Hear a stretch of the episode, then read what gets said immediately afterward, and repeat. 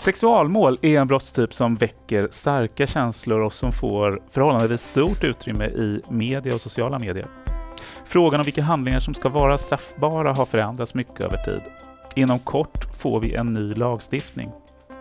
Domstolspodden handlar idag om brottsrubricering och bevisning i sexualmål.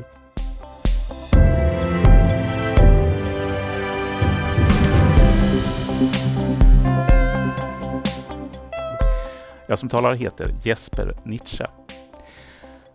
Och jag säger varmt välkommen till Domstolspodden Erik Lindberg, domare Svea hovrätt. Mm, tack ska du ha. Trevligt att ha med dig i studion. Mm. Mycket trevligt att vara här. Och välkommen till Domstolspodden Katarina Barketorp, domare och chef på Uppsala tingsrätt. Mm, tack. Väldigt trevligt att du ville vara med. Ja, kul att få vara med.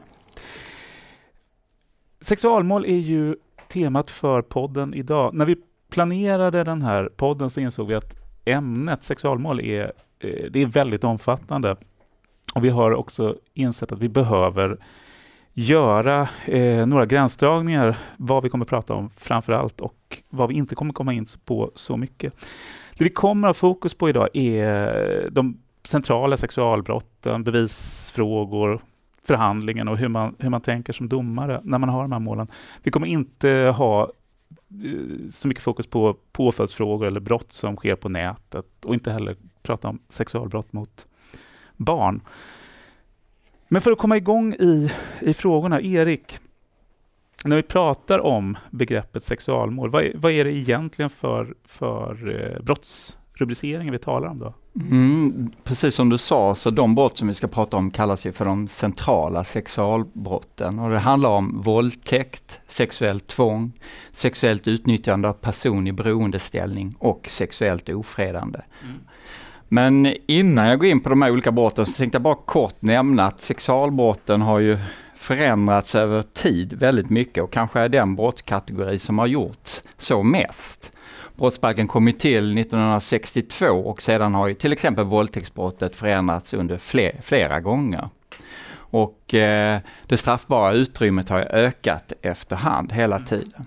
Något som idag framstår för oss som ganska främmande är ju att eh, innan brottsbalkens tillkomst så var det ju till exempel inte straffbart att våldta sin hustru. Och det var först genom brottsbalken tillkom som det blev ett brott. Och vilken tid talar vi om då? Då pratar, då vi 1900... pratar jag om 1962, ja, början av ja. 60-talet. Mm. Uh, och man kan säga då att våldtäktsbrottet till exempel då syftade till att skydda uh, äktenskapet som en institution. Men idag så syftar ju sexualbrotten till att skydda varje enskild människas rätt till personlig sexuell integritet och sexuellt självbestämmande. Och eh, även efter det att brottsbalken kom på 60-talet så har de här brotten fortsatt att, fortsatt att förändras flera gånger. Mm. Bland annat så har eh, eh, lagstiftningen blivit könsneutral. Så att numera kan även kvinnor då göra sig skyldig till våldtäkt. Mm. Och eh, det kan också vara homosexuella brott som straffas. Om det är våld i dem. Och det är väl som en inledning innan vi går in på de här olika brotten som vi sagt att vi ska tala något om idag. Väl medveten om att dessa brott kommer att ändras inom kort. Som du nämnde precis Jesper så är ju en lagändring på gång och den mm. kommer ju redan nu till den första juli.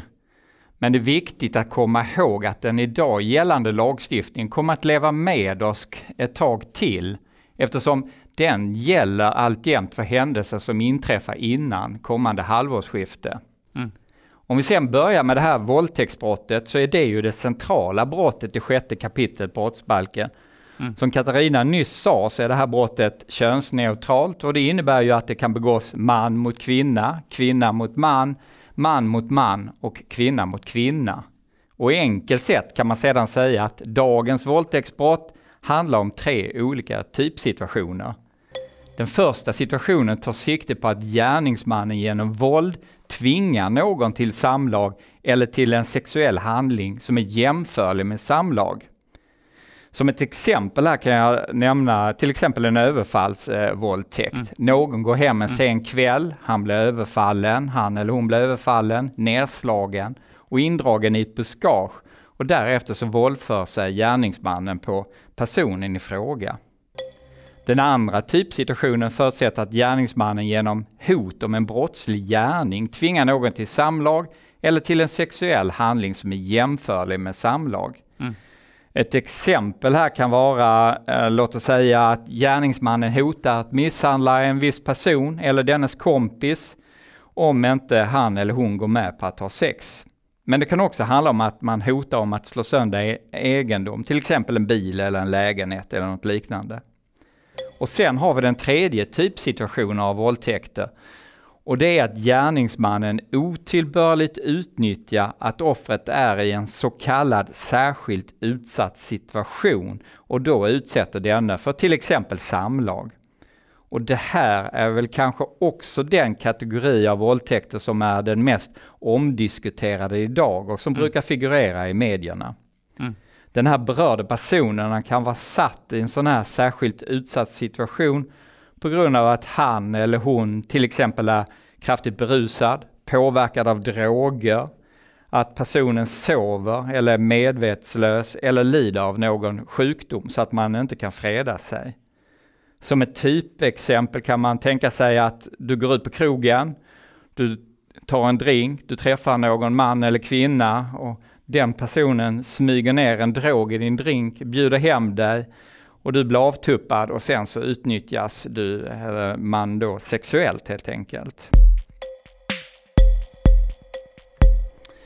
Eh, sen kan man säga också att det ska ju handla om samlag eller som jag sa tidigare en, en sexuell handling jämförlig med samlag. Ja, kan du utveckla det här lite? Vad, vad pratar vi om här? Eh, samlag i, i lagens mening är då ta sikte på vaginala samlag och då är det tillräckligt att eh, båda könsdelarna berör varandra.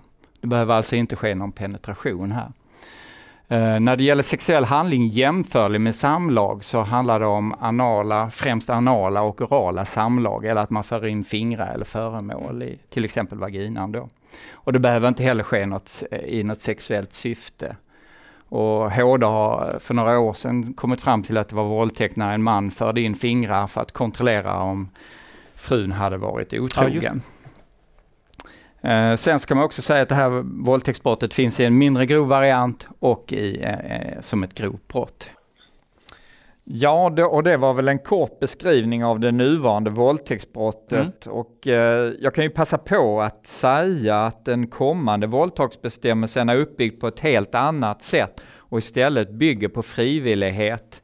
Men det kanske vi får tillfälle att återkomma till senare här i podden, helt mm. enkelt.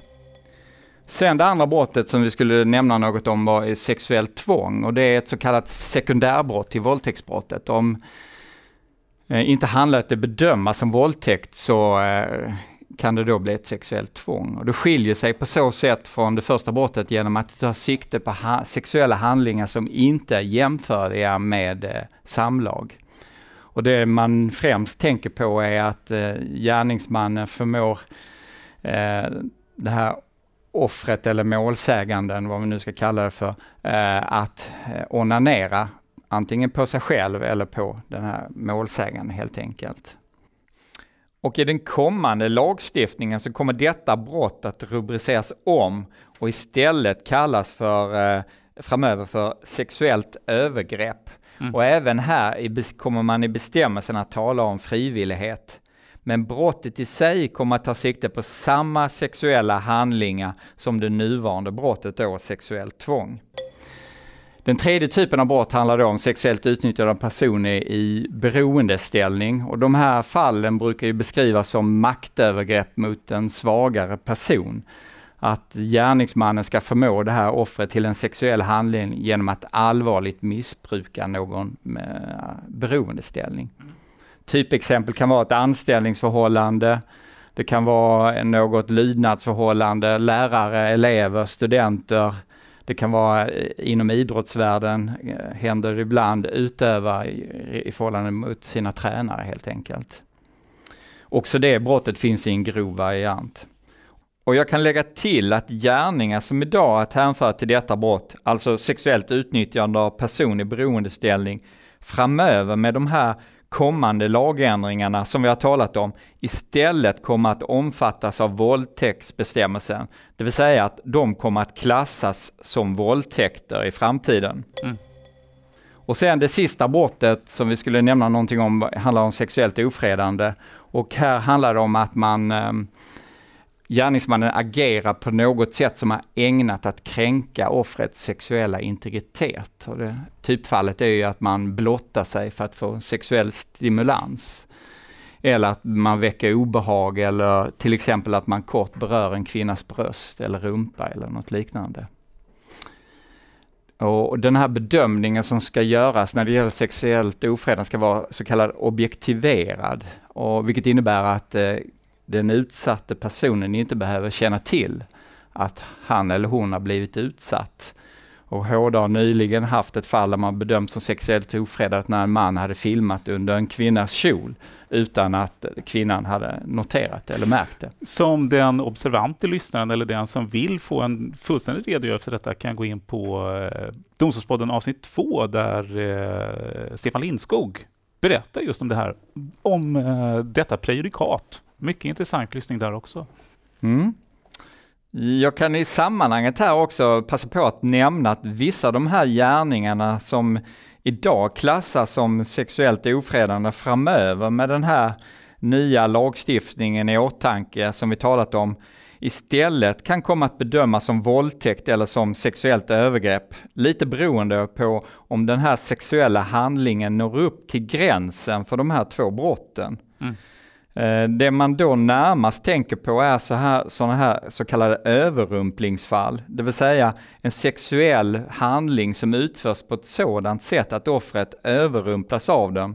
Och eh, till exempel mm. i en folksamling under en konsert eller en festival. Mm. Och det är ju också någonting som på senare tid har varit en hel del skriverier om i tidningarna. Så sammantaget skulle jag något enkelt kunna säga att de här gärningarna som vi har talat om idag med den här nya lagstiftningen fortsatt kommer att vara brottsliga, men att mm. vissa av dem kommer att rubriceras på ett annat sätt. Precis, för vi har fått en föredömligt eh, pedagogisk genomgång av våldtäkt, sexuellt tvång, sexuellt utnyttjande av person, person i beroendeställning och sexuellt ofredande. En sak som jag funderar på i, eh, i nutid eh, är ju eh, nätvåldtäkter, eh, eller virtuella våldtäkter som de kallas ibland. Det har det har eh, rapporterats en del om mål av, som just rör eh, de brottsmisstankarna. Va, vad kan man säga om det? Katarina? Mm, sådana dyker upp då och då. Mm. De kommer säkert att fortsätta att dyka upp också. Det har man ju slagit fast då att det går att våldta en person även om man inte haft någon fysisk kontakt. Så att säga, mm. Därför att man har då via en dator fått en, en annan person att göra sexuella handlingar. Så, mm. så det har ju konstaterat att det också kan vara sexuell, sexualbrott. Det, precis, det kan mm. också vara straffbara handling. Eh, Man ska ju bara flika in och säga där att de fallen som har prövats, det har ju varit Högsta domstolen i ett fall och, och, och, eh, och även Svea hovrätt har ju haft flera sådana fall. De har ju handlat eh, där den utsatte, där målsäganden har varit eh, unga så att säga. Mm. Eh, så då har jag nog inte prövat så vad jag vet i alla fall vuxen mot vuxen och det är möjligt att det också kan komma att klassas som ett brott men det får väl framtiden visa helt enkelt. Ja, och det är möjligt att eh, i, i denna flora av frågor som, som är väldigt intressanta när det gäller sexualmål och när det gäller det här ämnet, att det eh, kan bli kommande poddar framöver också i fler frågor. Men jag tänker att vi, vi eh, när vi pratar om sexualmål efter, eh, efter genomgången av de centrala brottstyperna, eh, bevisningen i de här målen, Katarina, vad finns det typiskt sett för bevisning i sexualmål? Det är egentligen, de skiljer sig inte jättemycket från vilket brottmål som helst egentligen. Du har ju två, alltid två personer då. Mm. Den som är åtalad och den som är utsatt för, för det här offret eller målsäganden. Du har ju deras berättelser mm. alltid. Och um, det kan ju också vara så att det är någon annan som har varit med. Du kan ju ha ett vittne som har sett det. Du kan ha en person som har träffat personerna precis innan. Du kan ha någon som har träffat offret strax efteråt hur, hur, och kan då berätta om vad den här personen, hur den uppförde sig, hur den var, hur den var påverkad och sånt där. Så det, det kan ju vara, en våldtagen kvinna kan ju anförtro sig till någon mm. för att berätta om det här efteråt. Och det har, sådana personer hörs ju också ofta som vittnen i, i rättegångarna. Men, men ofta så är det ju bara två personer närvarande. Så mm. det är mm. sällan man har några direkta vittnesmål om vad som hände just där och då. Så. Utan då har man de här två offret och gärningsmannens berättelse då till att börja med. Men sen finns det ju annan typ av bevisning. Det, finns, mm. det kan finnas DNA-bevisning, det kan finnas sperma, det kan finnas en, en vid en överfallsvåldtäkt typiskt sett så kan kvinnan ha försökt göra motstånd och fått hudavskrapningar under naglarna. Det är en sån här klassiker också då att man kan se, mm. som man kan då knyta till en viss person. Eh, det finns ju också, om man åker in på sjukhus efter ett sånt här brott som offer så finns det en speciell rutin för hur man gör en läkarundersökning med då ordentligt läkarintyg som berättar om skador och om sinnesstämningar och sådana saker också. Det, det kan, man kan göra ring till 112, då spelas de här larmsamtalen in. Sådana samtal kan spelas upp så man hör vad som sägs och hur personen låter och sånt där. Så. Och eh, hur, hur påverkad offret är till exempel. Det kan också finnas andra saker. Det kan finnas eh, sms-konversationer, chattkonversationer och sånt här. Det finns ju till och med de som eh, har livesänt på Facebook pågående mm. mm. övergrepp. Så. Mm. Så, det... så även bevisningen är en... Eh, vi pratar ju om att eh, frågan om vad som är straffbara handlingar förändras över tid, men mm. bevisningen... Mm. Bevismedlen ändras också över tid. Bevismedlen förändras också. Igen. Mm. Erik, har du, har du något du vill lägga till när det gäller frågor om bevis? Nej, det, det enda man, det är väl Katarina har väl lämnat en utförlig redogörelse för den typ av bevisning som finns. Oft, men oftast är det, handlar det ju bara om två berättelser, den tilltalade och eh, målsäganden. Och sen så finns det indirekt stödbevisning i form av kanske något vittne och liknande. Men det är sällan det finns teknisk bevisning och bara för att det är DNA-bevisning som påvisar kanske sperma i vaginan behöver inte betyda att det har skett ett brott. Mm. Uh, så att det är klart att det blir svårigheter när det gäller den här bevisningen. Sen kan man bara förvånas och uh, som Katarina säger här att har att folk nu för tiden är glada att filma allting, att man till och med filmar sådana här situationer och lägger ut på Facebook. Mm. Vilket ju känns mindre lustigt. Mm.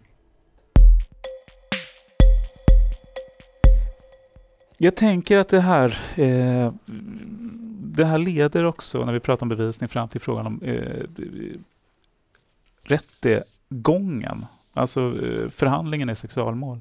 Hur, eh, I tingsrätt, Katarina, mm. hur, hur går det till när man håller rättegång i sexualmål? Även där så går de ju till som de flesta brottmålsrättegångar. Ja, ja. Så det, det, som är viktigt är, tycker jag som domare att man ska tänka på det är att det här handlar ju som Erik sa om, om, om sexuell integritet mycket. Det mm. handlar om mycket, en privat sfär där det kan vara jättejobbigt att berätta för den som är utsatt för det här. Så, um, så det är väldigt viktigt att, att vi har en, en öppen, en, en, liksom en tillåtande atmosfär i rättssalen. Att man, inte, att man låter alla komma till tal så att vi har respekt och förståelse för att det här är jobbigt att, att berätta om. Det är inte någon som kommer in och berättar en sak, vilken neutral sak som helst som man har sett bara. Och inte, utan det här är någonting som man är väldigt påverkad av. Mm. Och att vi ser till då att de får ett bra bemötande, att man tar pauser, att det finns liksom stödpersoner. Eh, är du har du anmält ett sånt här sexualbrott så får du i princip alltid ett målsägande beträde och, och då är den personen då som ofta är en advokat är ju tänkt att vara ett stöd för dig. Det är din, så att säga, ditt ombud, ditt för, din företrädare i den här rättegången. Och, och, men också en stödperson som, som ska kunna hjälpa dig då att mm, förklara vad som, hur det kommer att gå till. Och, och eh, också då föra talan för dig, för din, för din räkning i rättegången. Eh, jag tycker det är viktigt också att om man då... Det de flesta som utsätts för sånt här är det första och enda gången de gör det. Och då är det viktigt att de, om de känner ett obehag, får komma till domstolen innan. Titta på hur ser det ut i rättssalen. Vem ska sitta var och var, hur går det till och sånt. Att man berättar om det så att det inte... En rättegång är ju på något sätt en välregisserad teaterpjäs. Men det vet ju inte de här människorna som agerar om att det är. Utan att de får veta om då i förväg vad som ska hända. Så. Och det finns också möjlighet att ha, dels har vi stängda dörrar nästan alltid i de här målen. Och varför har vi stängda dörrar? Och, och, det har vi därför att eh, de ska kunna känna sig trygga att berätta om det här utan att det kommer ut till vem som helst. Mm. När man berättar om sådana här saker så blir det sen ofta också sekretess i domen när man skriver om namn och sånt här. Så. Eh, så du ska kunna känna dig trygg i att jag kan berätta i det här rummet om, om vad jag upplever att jag varit med om och att det inte sprids utanför det, för rättssalen sen. Då. Och det finns också sånt, du kan tycka att det är jätteobehagligt att, att sitta i samma rum som den här personen som du säger har våldtagit dig. Mm. Och då kan man ha medhörning. Och då får den personen sitta i ett annat rum och lyssna på vad du säger, vad offret säger då via, via en högtalaranläggning helt enkelt. Så, så man ska kunna känna sig friare att berätta om vad som har hänt. Um, så, men men det, det, är viktigt att vi har respekt för att de här personerna tycker det är jobbigt att berätta om det här. Mm. En sak som man kan flika in när det gäller ja, bemötandet som är viktigt att tänka på, vad jag tycker i alla fall själv och som vi ofta brukar eh, ha inför planeringen av en sån rättegång är att man, rättens sammansättning. Eh, som i hovrätten till exempel är det då fem ledamöter, att man ser till att det inte bara sitter fem män eller fem kvinnor, utan man försöker variera, att det blir någorlunda jämn könsfördelning. Inte för att det kanske har någon betydelse, men det skapar nog mer trygghet för de som kommer dit. Mm att en eh, utsatt kvinna till exempel inte vill bemötas av fem äldre män till exempel, eller tvärtom en ung man som är tilltalad kanske inte vill mötas av fem äldre kvinnor. Uh, utan man försöker hålla en balans här, det tror jag är väldigt viktigt för det signalerar ett budskap. Ja, vad, vad, säger du om Katarina? Jag håller helt med om det. det ja. Och det är viktigt i, mm. att, att, en blandad, mm. en heterogen sammansättning är alltid mm. viktigt. Men särskilt just i de här målen tycker jag, där det ändå är på något sätt ganska könsstereotypt va, berättelse som kommer. Då är det viktigt att man har både män och kvinnor. Ja. Är det annat som ni... För jag tänker att i grunden ligger ju, eh, som jag tänker också, det, det är mål som rör otroligt känsliga frågor och eh, berättelser som ska, ska lämnas inför en inför rätten. Eh, är det annat som, som är viktigt att lyfta fram när, man just, eh, när vi just pratar om bemötandefrågorna? Ni har varit inne på flera delar i, i det som handlar om vad, vad domstolen kan göra för eh, men, som jag tolkar skapa så mm. goda förutsättningar som möjligt för att men under själva rättegången är det viktigt att tänka på att ordföranden har ett som Katarina sa, ett korrekt bemötande. Mm. Men också en Vad är ett korrekt bemötande? Ja, att man behandlar alla med respekt, ömsesidig ja. respekt, så att man inte bara sitter och nickar jakande till den ena sidan och inte åt andra, eller man kanske inte ska nicka överhuvudtaget, utan att man behandlar alla på samma sätt helt enkelt. Vänligt, respektfullt. Och att man har en fast och tydlig eh, hand helt enkelt och leder förhandlingen och inte låter parterna ta över förhandlingssituationen. För ofta blir det väldigt mycket känslor i de här målen och då är det lätt att en, om man inte har en ordförande som har en fast hand, att mm. det kanske svämmar över i förhandlingssitsen, hela salen helt enkelt. Jag tänkte fråga också innan vi går lite vidare. Eh, Erik när du, och Katarina också, när ni jämför just tingsrätt och hovrätt, är det, är det saker som eh, skiljer sig markant när det gäller förhandlingen i hovrätt? Ja, förhandlingen i hovrätt kan man ju säga att den är ju i och med den här moderna rättegången som vi har nu så spelar vi ju i huvudsak upp förhören som har skett i tingsrätten. Mm. Vilket innebär att förhandlingssituationen blir inte lika laddad i, i de här målen, inte heller i övriga mål, men framförallt i de här målen. Sen händer det givetvis att man, det blir tilläggsfrågor om förhör och liknande. Och då, i de målen så det, handlar det om, precis som Katarina varit inne på, hur hovrätten bemöter parterna på samma sätt som man gör i tingsrätten. Men oftast så är ju inte målsäganden, den offret eller den utsatte närvarande i hovrätten.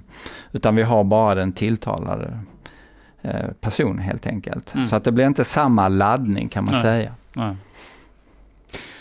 Sen, sen, måste jag när vi pratar om, om förhandlingarna också lyfta en fråga som, som jag väldigt ofta ser i mina eh, i mina flöden i sociala medier och eh, även noterar i medierapportering ibland. Eh, när det rör sexualmål, när det rör sexualbrott så kommer, kommer mellanåt de här eh, synpunkterna att ja, i de här målen så ställs all, det ställs alltid frågor om, eh, till, till målsägarna, alltså eh, offret. Eh, hur var du klädd? Hade du kort kjol? Hur uppträdde du? Eh, jag vet inte om ni håller med om, om att det är en vanlig synpunkt, men vad, vad tänker ni kring det? Känner ni igen det? Mm, jag känner igen alltså, påståendet, uppfattningen. Ja. Mm. Och jag, jag, har hört den frågan ställas en gång Och det var i slutet på 80-talet när jag började jobba i domstol. Mm. Eh, För att fram till 84 så fanns det ett brott, en variant av våldtäkten där kvinnans beteende faktiskt spelade roll. Mm. Hade kvinnan följt med mannen hem frivilligt, hade hon åkt med i hans raggarbil frivilligt och sen då blev våldtagen så var det ett lindrigare brott. Så fram till mitten på 80-talet spelade kvinnans agerande Okej. roll för bedömningen. Men, men sen åt, mitten på 80-talet så, så har det ingen betydelse. Och eh, som sagt, jag har, efter 80-talets slut så har jag aldrig hört den frågan någon gång. Och jag skulle, om, om den ställdes under en förhandling där jag var ordförande så skulle jag ifrågasätta vad, vad den hade för relevans. Mm. Vad det spelar för roll. Men det här är intressant för att fram till s- eh, mitten av 80-talet, eh, då- hade frågan en relevans Ja, när den den ställdes relevans, och efter ja. det så är den Mm. inte relevant. Och då den skulle kunde, du markera... frågan kunde ha relevans Ja. kan man säga i alla fall fram till dess. Så, och, och därför då så förekom sådana frågor då.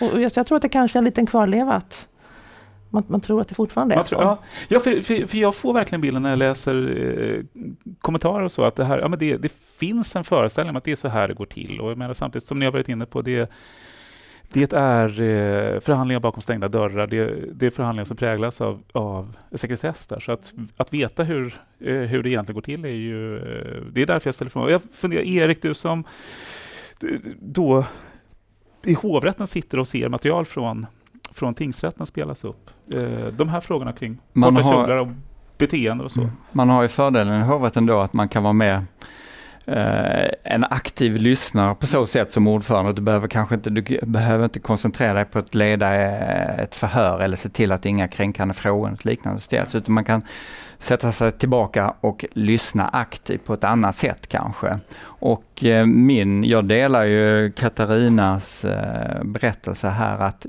för jag har heller inte någon eh, erfarenhet att det har ställts just den här frågan om korta kjolar. Jag har svårt att se någon relevans att den ställs idag överhuvudtaget. Eh, eh och jag skulle vilja säga att generellt sett så tycker jag väl att alla aktörer i rättssalen från domare, åklagare och eh, då kanske framförallt då eh, advokater eh, eh, som oftast påstås ställa de här frågorna eh, har ett professionellt sätt att agera och ställa relevanta frågor överlag kan vi säga. Och sen måste man ha klart för sig i en rättegång, i sexualmål, precis som i andra mål, så måste det tillåtas att få ställa tuffa frågor. Eh, och det handlar, om det handlar om ett mordmål, våldtäktsmål eller stöldmål, vad det än må vara. Man ska komma ihåg att minimistraffet för våldtäkt är ju två års fängelse. Och det är klart att det måste ibland ställas tuffa frågor där. Eh, sen är det en annan sak om de är kränkande eller förolämpande och där är ju rättens ordförande som måste se till att sådana frågor inte ställs. Men att det ibland blir tuffa frågor, det tycker jag är, det är en del av själva rättegången och ett spelet. Så det måste man ha förståelse för. Eh, Men det, och där är ju, blir ju en balansgång. Men jag känner inte heller igen den här debatten om att det ska ställas eh, frågor om korta kjolar eller något liknande. Men det är möjligt att det sker någonstans, någon gång. Men jag, men jag tänker för att det här är ju väldigt intressant också för, för Katarina, du som, som eh, domare just i, i tingsrätt också, det som, eh, det som Erik pratar om, eh, alltså kraven på rättens ordförande, vi har varit inne på det när det gäller domarrollen och så. Eh, I de här målen och när det gäller att, eh, ja men hur, hur gör man i praktiken som domare att kunna göra en bedömning av, är det här relevanta frågor eller inte och när, Alltså det, vad gör du en, det, det är väldigt svårt. Ja. Så, därför, ofta vet man ju inte då var, vart vill advokaten, om det är oftast advokaten som ställer de här frågorna, försvarsadvokaten, vart vill han komma eller hon Mm. med de här frågorna. Så det är svårt att, att eh, säga att den där frågan är förbjuden. Mm. Så, för som Erik säger, tuffa frågor är tillåtna. Mm. Men, men, det ska ju ändå finnas en relevans i frågan. Mm. Så, och då, då är man ändå skyldig som ordförande tycker jag att avbryta och, och fråga. Mm. Vad är, vart vill du komma med det här? Så. Och det, det ska ju en advokat kunna förklara då vart de vill komma med frågan. Men där är ju en väldigt svår balansgång kan jag själv tycka. För att Mm. då avbryter man men frågan har ju redan ställts. Så Mm. den då eventuella kränkningen har ju redan skett, skett. även om man Mm. avbryter den till. Den som får den här frågan känner sig ju redan obekväm i situationen. Och ifrågasatt Mm. naturligtvis. Då, så. Mm. Som, som domare, hur, hur är det att ha de här målen, sexualmål? Katarina? Det, det, är ju, det är ju mål då som vi har varit inne på flera gånger som, som rör en väldigt privat sfär. Så. Mm. Och, och det, som, som domare kan man då bli berörd av det de berättar. Det, det är jobbiga berättelser och det är jobbigt att lyssna på dem. Som domare kan man bli, bli, bli berörd i många olika typer av mål. Och I de här målen så är man på något sätt egentligen mer mentalt förberedd på att det kommer att bli jobbigt. Vilket gör att det, jag ty, kan tycka att det är lättare att förbereda sig mentalt för de här målen. För man vet om det, att det blir jobbigt per definition.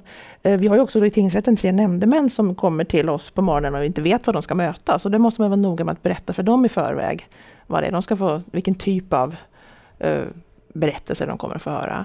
Eh, är det mål som rör barnpornografibrott kan det vara väldigt bra att ha sett några bilder innan så man inte blir chockad när man ser dem utan man vet mm. vad som väntar en helt enkelt. Så det, mm, men visst, ofta får man ju höra Speciellt om man sitter i långa mål med, med många övergrepp så kan det bli till slut väldigt jobbigt. Och då har vi har en möjlighet till avlastningssamtal efteråt för alla som är inblandade från rättens sida. För att det, mm. man, klart man blir påverkad av det. Mm. Erik, eh, utifrån det som Katarina säger? Ja, som Katarina säger kan jag väl tycka att det är viktigt att man förbereder sig bra för det hjälper en att eh, komma igenom den här processen eller mm. förhandlingssitsen på ett, ett bra sätt eh, samtidigt så tycker jag väl själv att den här typen av mål är nog bland de svåraste som finns av många olika aspekter. Dels rent juridiskt med tanke på de bevissvårigheter som kan vara. Det, någonting har skett oftast i ett slutet rum och man har bara två berättelser kanske.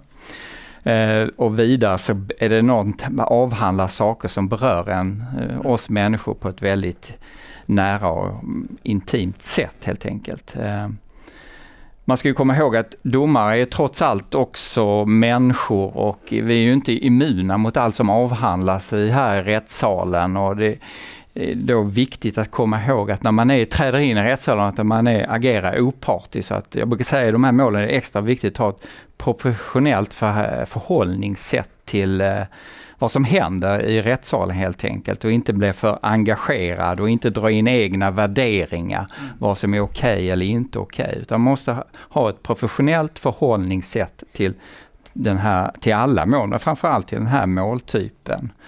Och sen är det också som Katarina säger viktigt att man mm, har, jag har suttit på några längre mål som hållit på i flera månader när det gäller övergrepp, att man har debriefing inom sitsen löpande hela tiden, att man pratar om de här sakerna med varandra. Och också i hovrätten har vi Eh, tillgång till om man vill ha hjälp med stödsamtal, eh, terapeuter och liknande via företagshälsan. Så att det finns hjälp att få.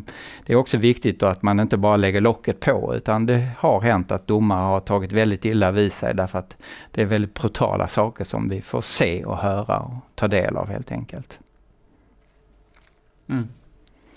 Sen en annan aspekt också som jag bara kom tänka så här är också att man som domare måste kanske ha en beredskap eh, i förhållande till medierna.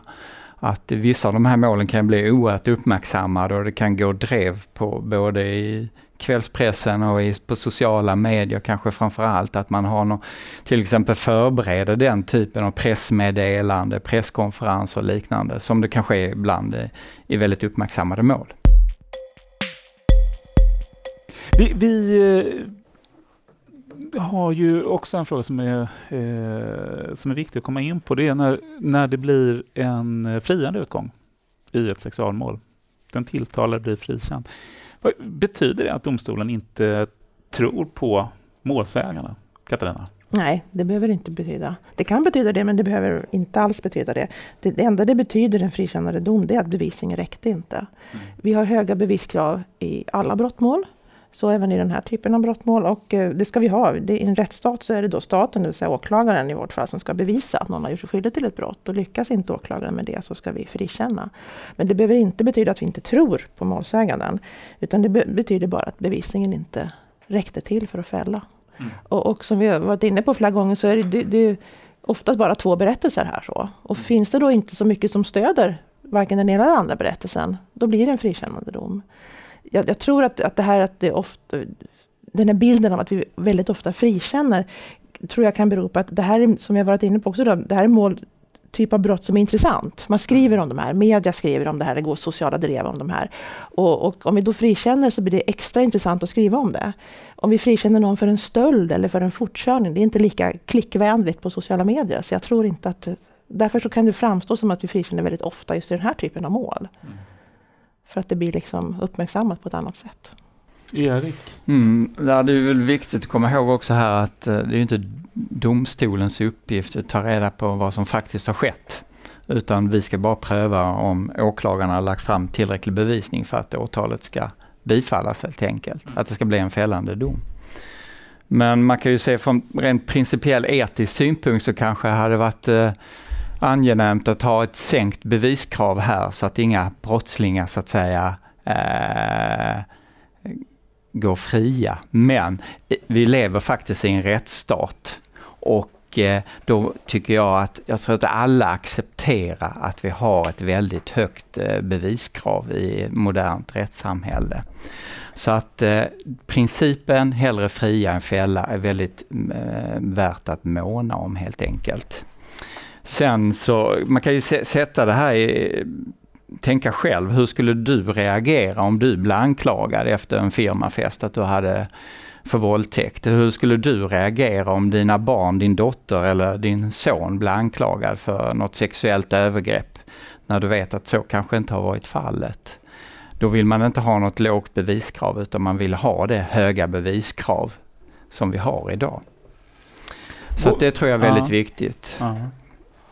Eh, för det, är som du säger, alltså, det är den diskussionen och den kritiken eh, hörs emellanåt. Mm. Där man menar att det är, det är alldeles för höga beviskrav i sexualmål. Mm.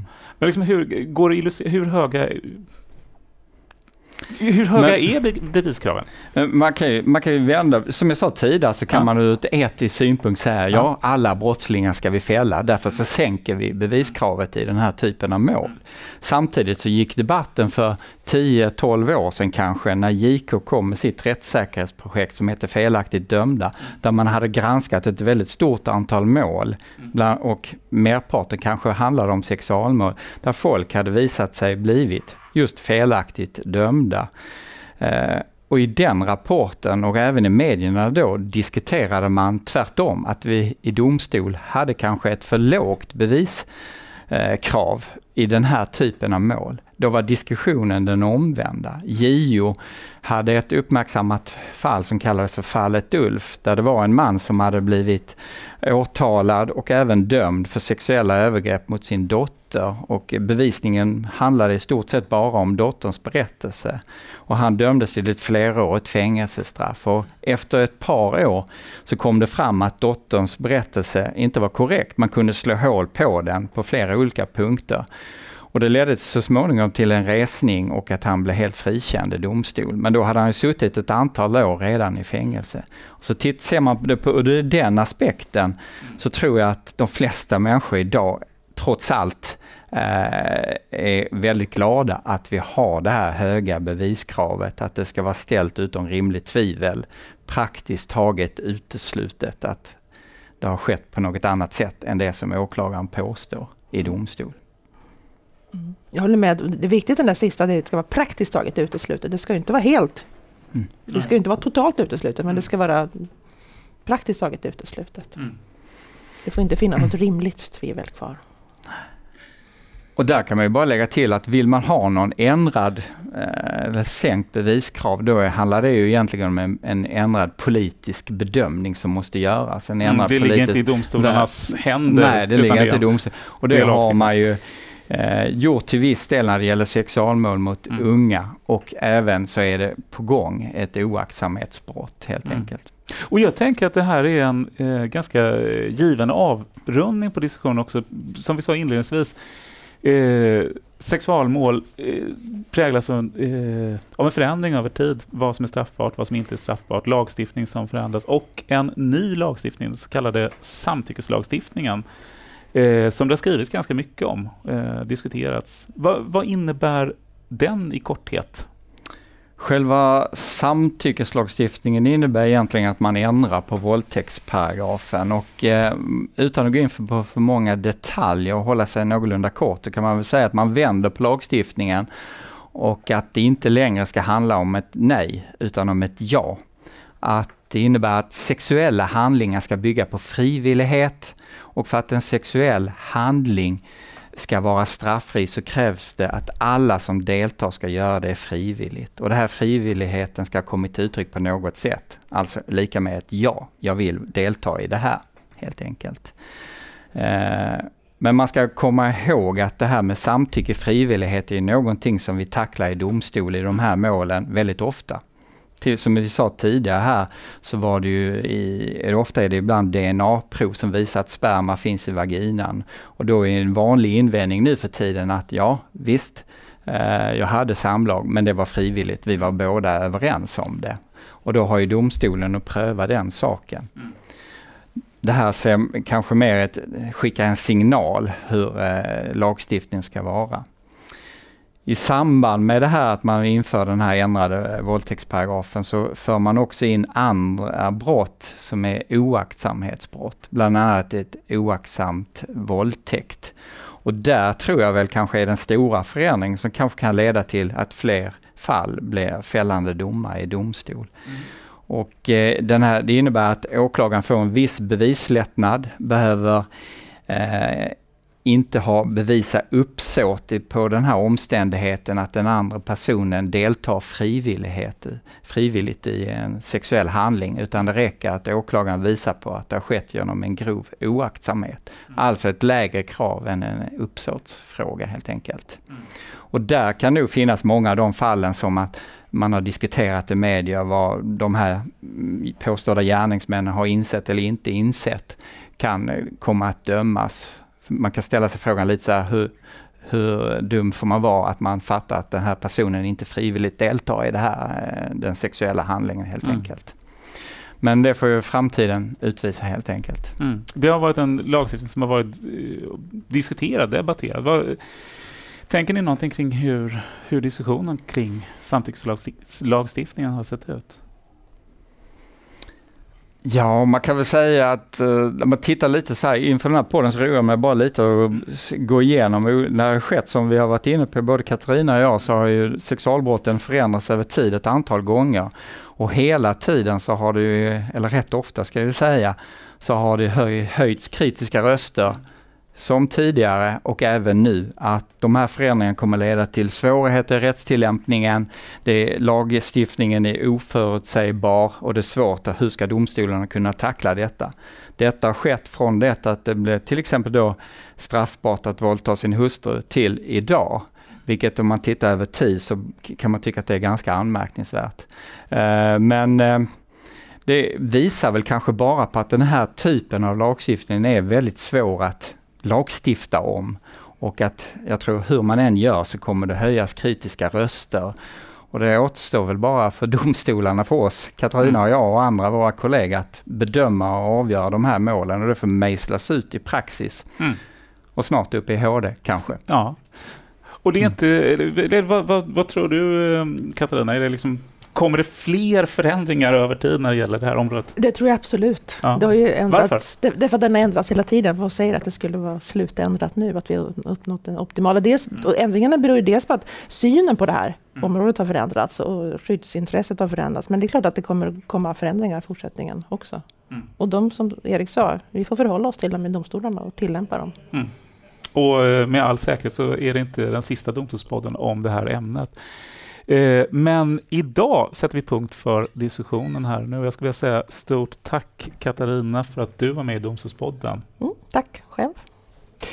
Erik, stort tack för att du var med i podden idag. Mm, tack, kul att vara här. Mm. Och med det säger Domstolspodden eh, tack för idag. Vi eh, uppmanar alla lyssnare som har frågor eller funderingar kring podden eller tips på ämnen som kan vara intressant att ta upp framöver att höra av er till oss i redaktionen. Ni når oss på mail domstolspodden snabeladom.se eller på Twitter där vi också är närvarande. Då kan ni använda hashtaggen domstolspodden. På återhörande.